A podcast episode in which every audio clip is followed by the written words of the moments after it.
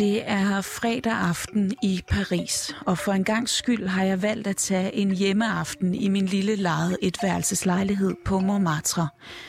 Dørene står åbne ud til min franske altan, selvom vi er midt i november, og jeg kan høre fredagens festligheder nede på gaden. Men pludselig bliver der helt stille, og gaderne bliver meget hurtigt underligt tomme. Min genbo stopper med at spille på sit klaver, og den sagte lyd fra tv- og radionyheder strømmer ud af folks vinduer. Nyhedsbeskeder begynder at tække ind på min telefon om eksplosioner og skyderier flere steder i byen. Det fortsætter i næsten fire timer, og jeg kan høre ambulancerne og politibilerne køre rundt i gaderne, mens præsidenten erklærer undtagelsestilstand og beder alle om at blive inden døre. Nogle timer senere, i de helt spæde morgentimer, bevæger jeg mig i mørket 3 km sydøst på, hen til restauranten Le Petit Cambodge. Det første syn, der møder mig foran den afspærrede restaurant, er en livløs krop, der bliver båret ud i en hvid ligpose på en borg.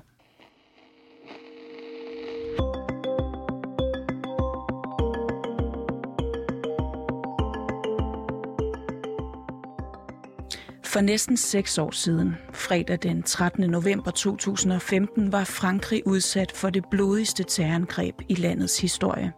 Da terrorister angreb en række restauranter og bar i Paris, Frankrigs nationalarena Stade de France, og ikke mindst spillestedet Bataclan. 130 mennesker mistede livet den aften, og flere hundrede blev såret. Jeg boede i Paris og dækkede angrebene dengang – og lige nu er mit fokus rettet tilbage mod Paris. For i går, der begyndte retssagen mod 20 personer, der er anklaget for at stå bag det her store terrorangreb. Det er den største retssag i Frankrigs historie, og forhåbentlig en form for afslutning for mange. Men spørgsmålet er, om den kan læge franskmændenes sorg.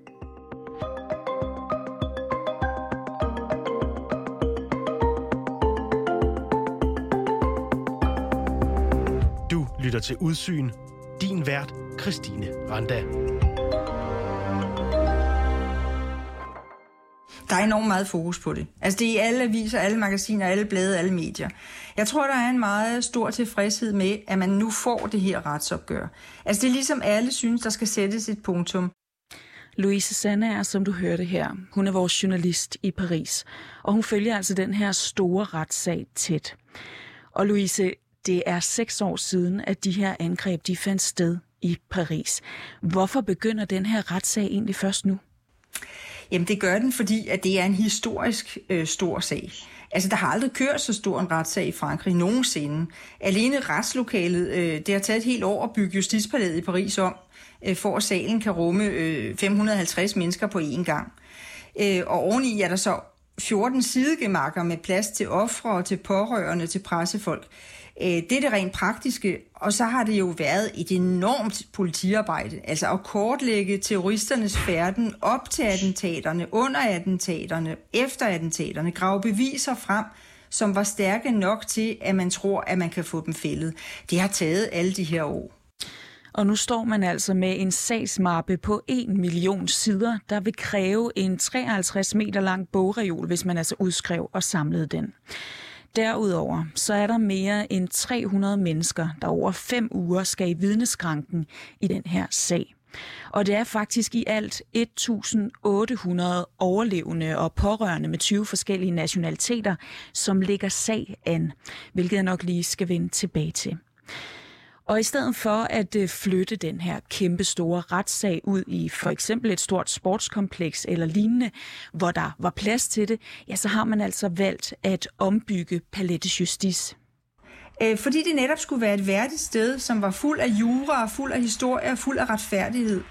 Øh, så har man som samfund simpelthen lagt vægt på, at det skal være en korrekt og værdig retssag, som et civiliseret samfund svar, kan man sige, på barbariet.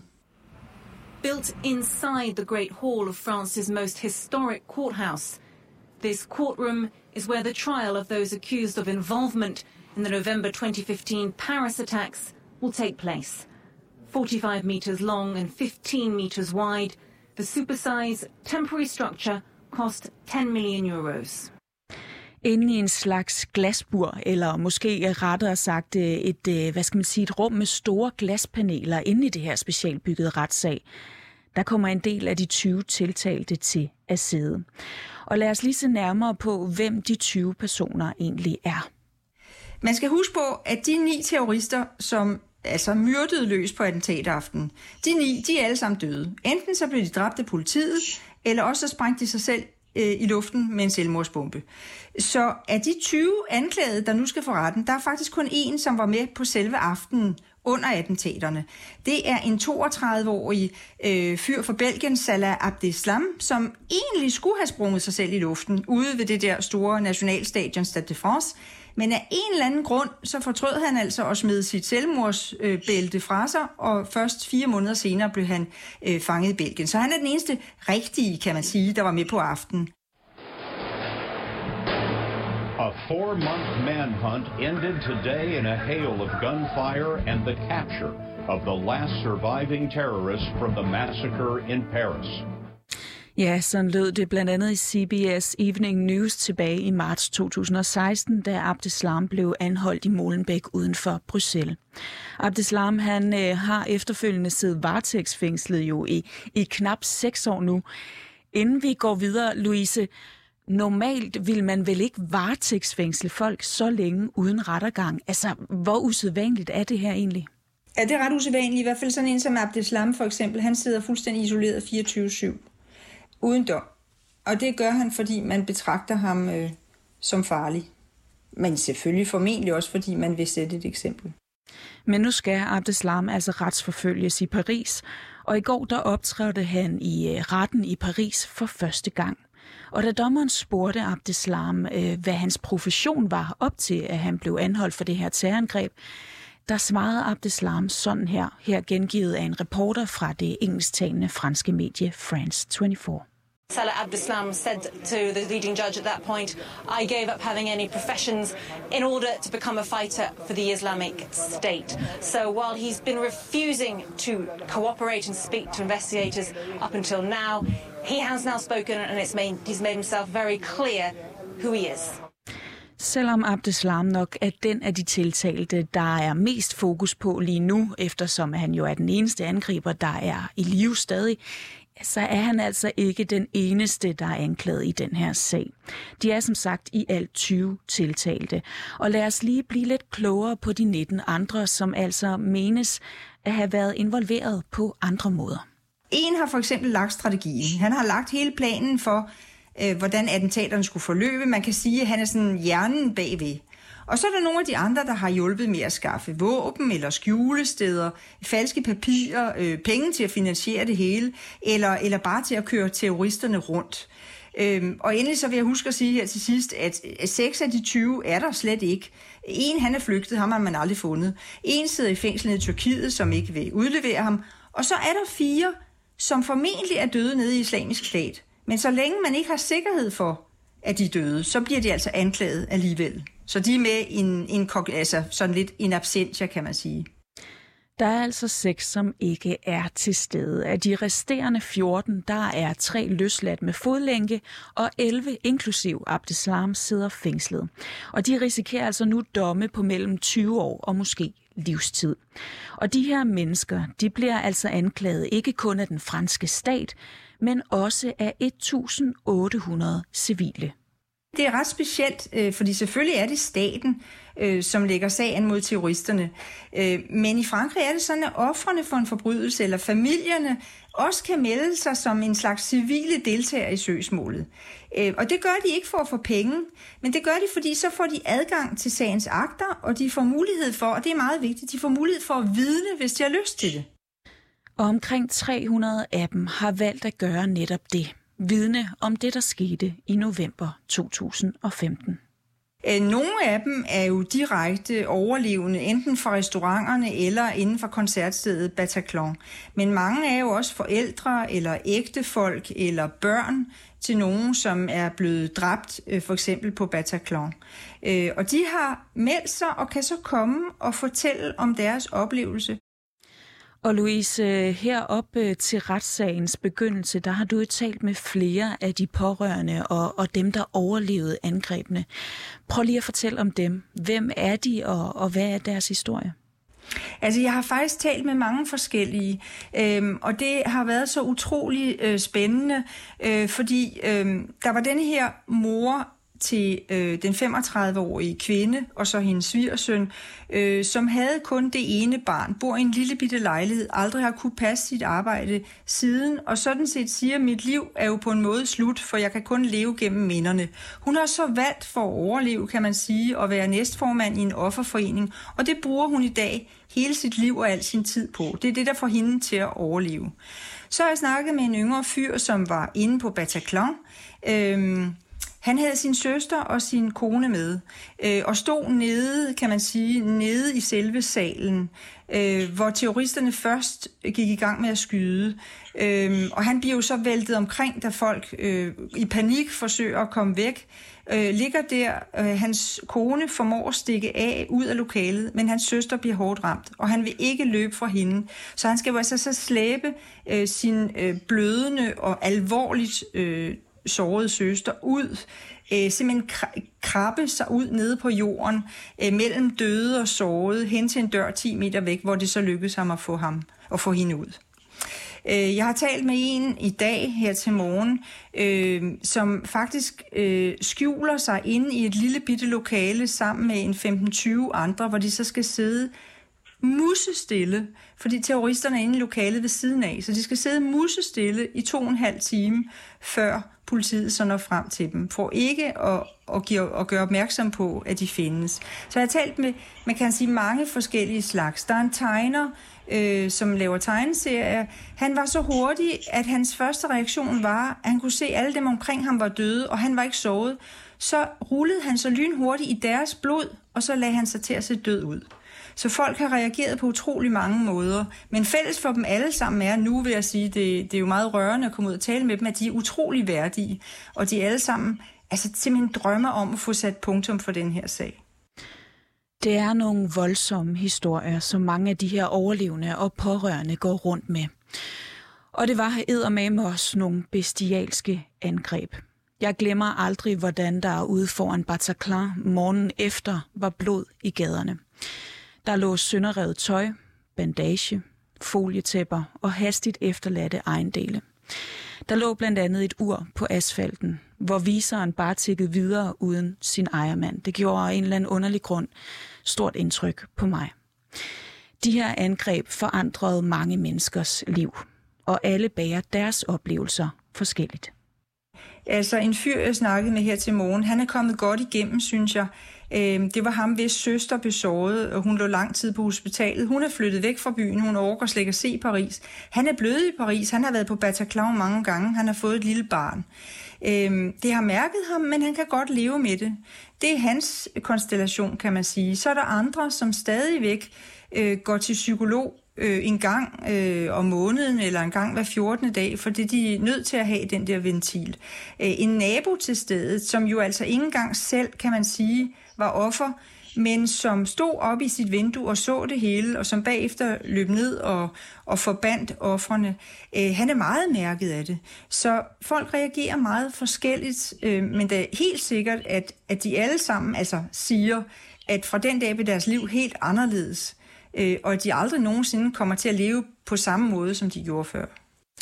Og det handler blandt andet om, at det her var mere end et angreb på mennesker. Det var et angreb på den franske ånd. Jamen, det er jo helt klart mærket Frankrig. Altså, det bliver aldrig nogensinde det samme land igen. Øhm, man skal huske, at de her angreb på Bataclan og på terrasserne, de kom kun 10 måneder efter terrorangrebet på satirebladet Charlie Hebdo. Og begge angreb var jo et eller andet sted et angreb på den franske måde at tænke på, den franske måde at leve på. Altså Charlie Hebdo var et angreb på ytringsfriheden, øh, retten til at sige eller tegne eller mene, hvad man vil. Og attentaterne den 13. november, jamen, altså hvor terroristerne gik ind og likviderede restaurantgæster øh, på klodshold, som sad og hyggede sig på en terrasse, øh, og bagefter meget folk ned i stimer på et koncertsted med maskinpistoler. Jamen det er jo altså, det er åbenlyst et angreb på den franske livsstil, den der glæde ved at høre musik, glæden ved at spise god mad. Øh, et åbent demokratisk samfund, som blev såret lige ind i hjertekuglen. Og det kan, den, kan landet sagtens komme over, men det, det har mærket Frankrig, det er der ingen tvivl om. Dagen efter angrebet sad jeg på en fuld café tæt på Bataclan. Franskmændene insisterede på at fortsætte deres liv og ikke ligge under for den frygt, som angrebene satte i os alle sammen. Men stemningen var en helt anden. Man havde pludselig styr på nødegangene og potentielle flugtruter. Man tænkte lidt mere over, hvor i caféen man satte sig, og alle kiggede hinanden utrolig meget i øjnene. For ligesom lige at tjekke og føle sig mere tryg. De her reaktioner har heldigvis fortaget sig med årene hos de fleste af os. Men frygten kan stikke dybt, og frygt sniger sig tit ind i politik. Det har den også gjort i Frankrig, hvor angrebene har sat dybe politiske spor. Og det var måske i virkeligheden det, som terroristerne gerne ville. Øh, altså man ved, at øh, det var en del af deres strategi og islamisk statsteori, eller strategi, at angrebene skulle få franskmændene øh, altså ikke-muslimske franskmænd til at vende sig imod muslimerne. Altså det, man var ude på at skabe splittelse i et land, hvor mellem 5 og 7 millioner er muslimer. Og det er jo faktisk lykkedes et stykke af vejen. Især den yderste højrefløj har nemlig brugt det her rent politisk og fået vind i sejlene. Det ses stadig her seks år efter angrebene. Når franskmændene for eksempel til næste år skal til præsidentvalg, så er der selvfølgelig det yderste højres øh, Marine Le Pen. Hun er der jo hver gang, men nu er hun ikke længere alene på højrefløjen. Hun får formentlig, det tror man nu, sådan ser det ud, selskab af en stærkt højreorienteret debattør, der hedder Erik Zemmour, der er kendt i hele Frankrig.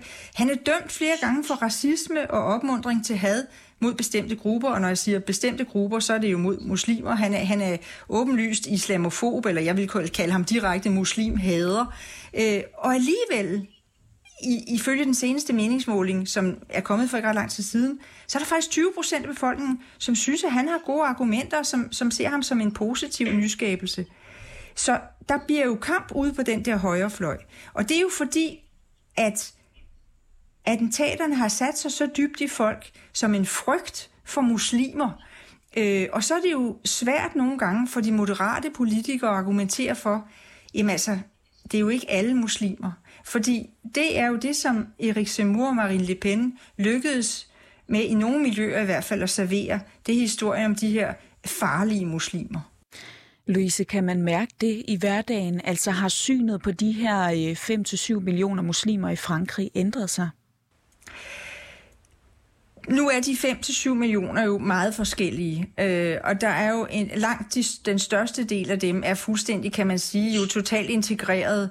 Øh, altså øh, forældre hen i skolen, når jeg kommer ind og skal hente mine børn, som er, er lige så gode venner som mine andre venner osv., de er bare muslimer. Så man kan sige, der er jo ikke nogen...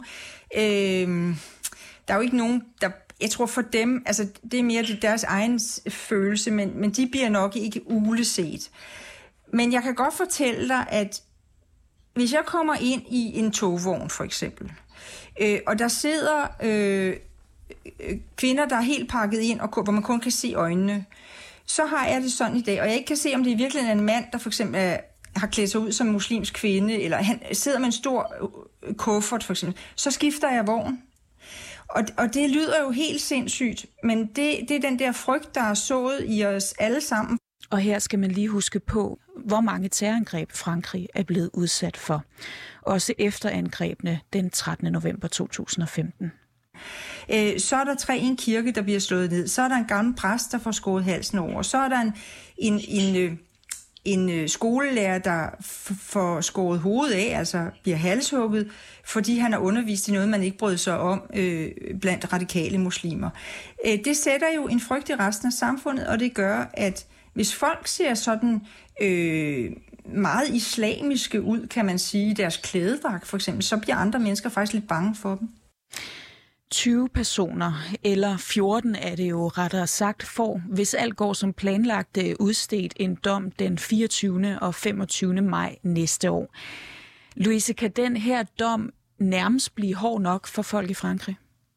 Altså, øh, jeg tror, at folk er tilfredse med, at de bliver dømt, og hvis de kommer til at sidde derinde rigtig længe, så er folk endnu gladere. Det er klart, at der blandt, øh, Blandt de overlevende og blandt pårørende til døde især, der har jeg oplevet en vis hævntørst. Øh, folk, som di- direkte siger, jeg vil ikke sige det til, til din mikrofon, men jeg vil gerne sige til dig uden for mikrofonen, at hvis jeg kunne komme til at slå dem ihjel, så vil jeg gøre det. Altså, de tilgiver ikke.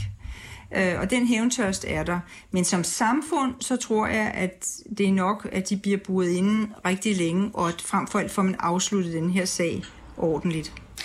Men Louise, gør man nu også det? Altså, øh, lad os sige, at alle bliver dømt i den her sag, og der dermed bliver sat en slags øh, punktum for angrebene i november 2015. Men kan det læge folks sorg? Altså, vil det overhovedet gøre en reel forskel? Ja, det, det gør det, det gør det. giver en forskel, fordi selvfølgelig er det, at vi kan se, at der trods alt er en vis retfærdighed til, at vi stadigvæk som samfund, selvom vi bliver hårdt ramt, øh, så kan vi stadigvæk slå fra os og reagere. Lad os lige dykke lidt dybere ned i det her med netop, øh, hvad det kommer til at betyde for folk. France 24 har talt med øh, en advokat, der skal repræsentere 40 ud af de 1.800 civile, der altså ligger sag an i den her historiske retssag. Og hun siger sådan her om, hvad hendes klienter håber at få ud af retssagen. Les victimes que je représente euh, sont dans l'attente de recevoir peut-être des réponses. De håber at få nogle svar, for de forstår ikke, hvorfor det her er sket. Kunne der være blevet gjort noget for at undgå den her katastrofe? Lyder det her fra advokaten.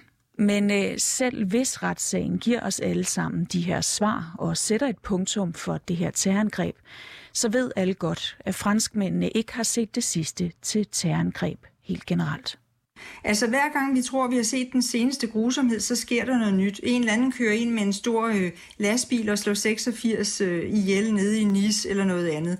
Der, der er hele tiden den her nye, kan man sige, øh, store kreativitet hos terroristerne.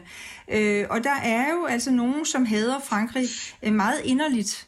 Øh, fordi vi har været, fordi Frankrig har været med øh, sammen med, øh, sammen med amerikanerne i Afghanistan, har været nede i Syrien, har, har, har, øh, har angrebet islamisk stat osv. Så der er jo også, der er endda folk, som er født, ikke? Nogle af de her er jo født i Frankrig, de vokser op i Frankrig, de er uddannet i Frankrig, og alligevel hader de landet så inderligt. Så vi ved godt, at det her bliver ikke det sidste.